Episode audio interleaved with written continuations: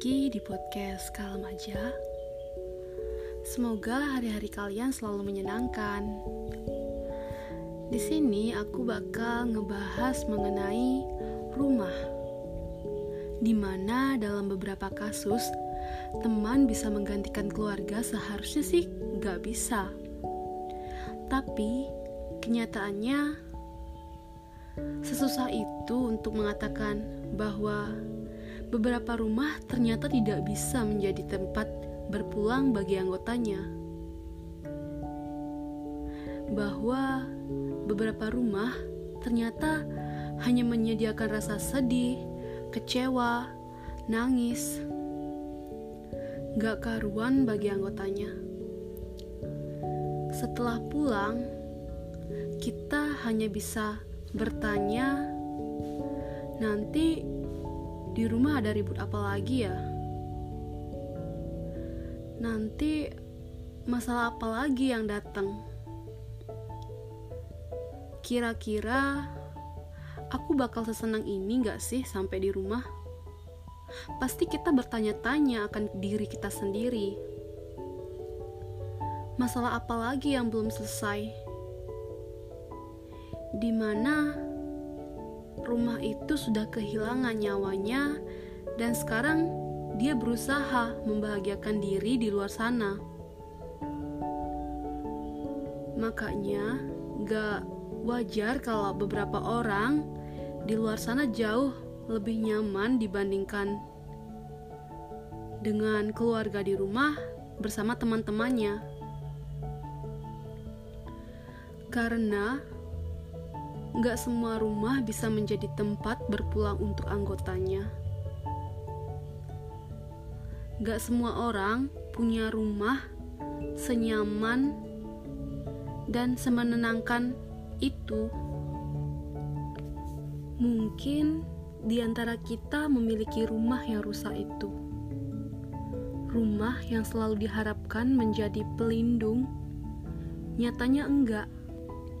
Tetapi Nyatanya, di rumah hanya membuat kita tertekan, bingung, kesal, marah, dan resah.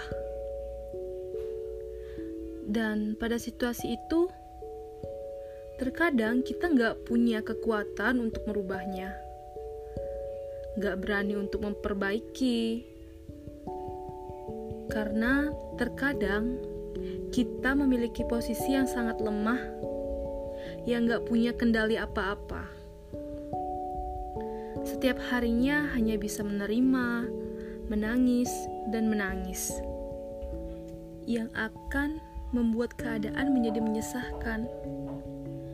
Terkadang keluarga bersikap semaunya, sibuk dengan urusan diri sendiri dan permasalahan-permasalahan yang lain yang kita sendiri gak berani untuk mengatakan permasalahan kita karena terlalu malu untuk mengatakannya.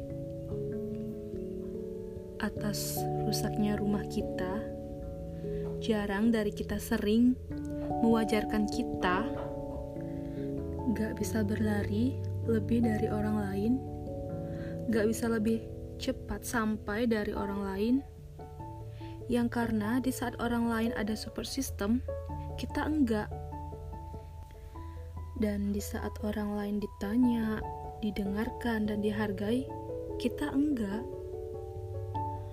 Rumah yang benar-benar rusak, dan namun ternyata di saat rumah kita yang sudah sangat rusak, kita masih sama-sama masih punya kesempatan untuk bangun rumah yang baru membangun rumah yang aman dan nyaman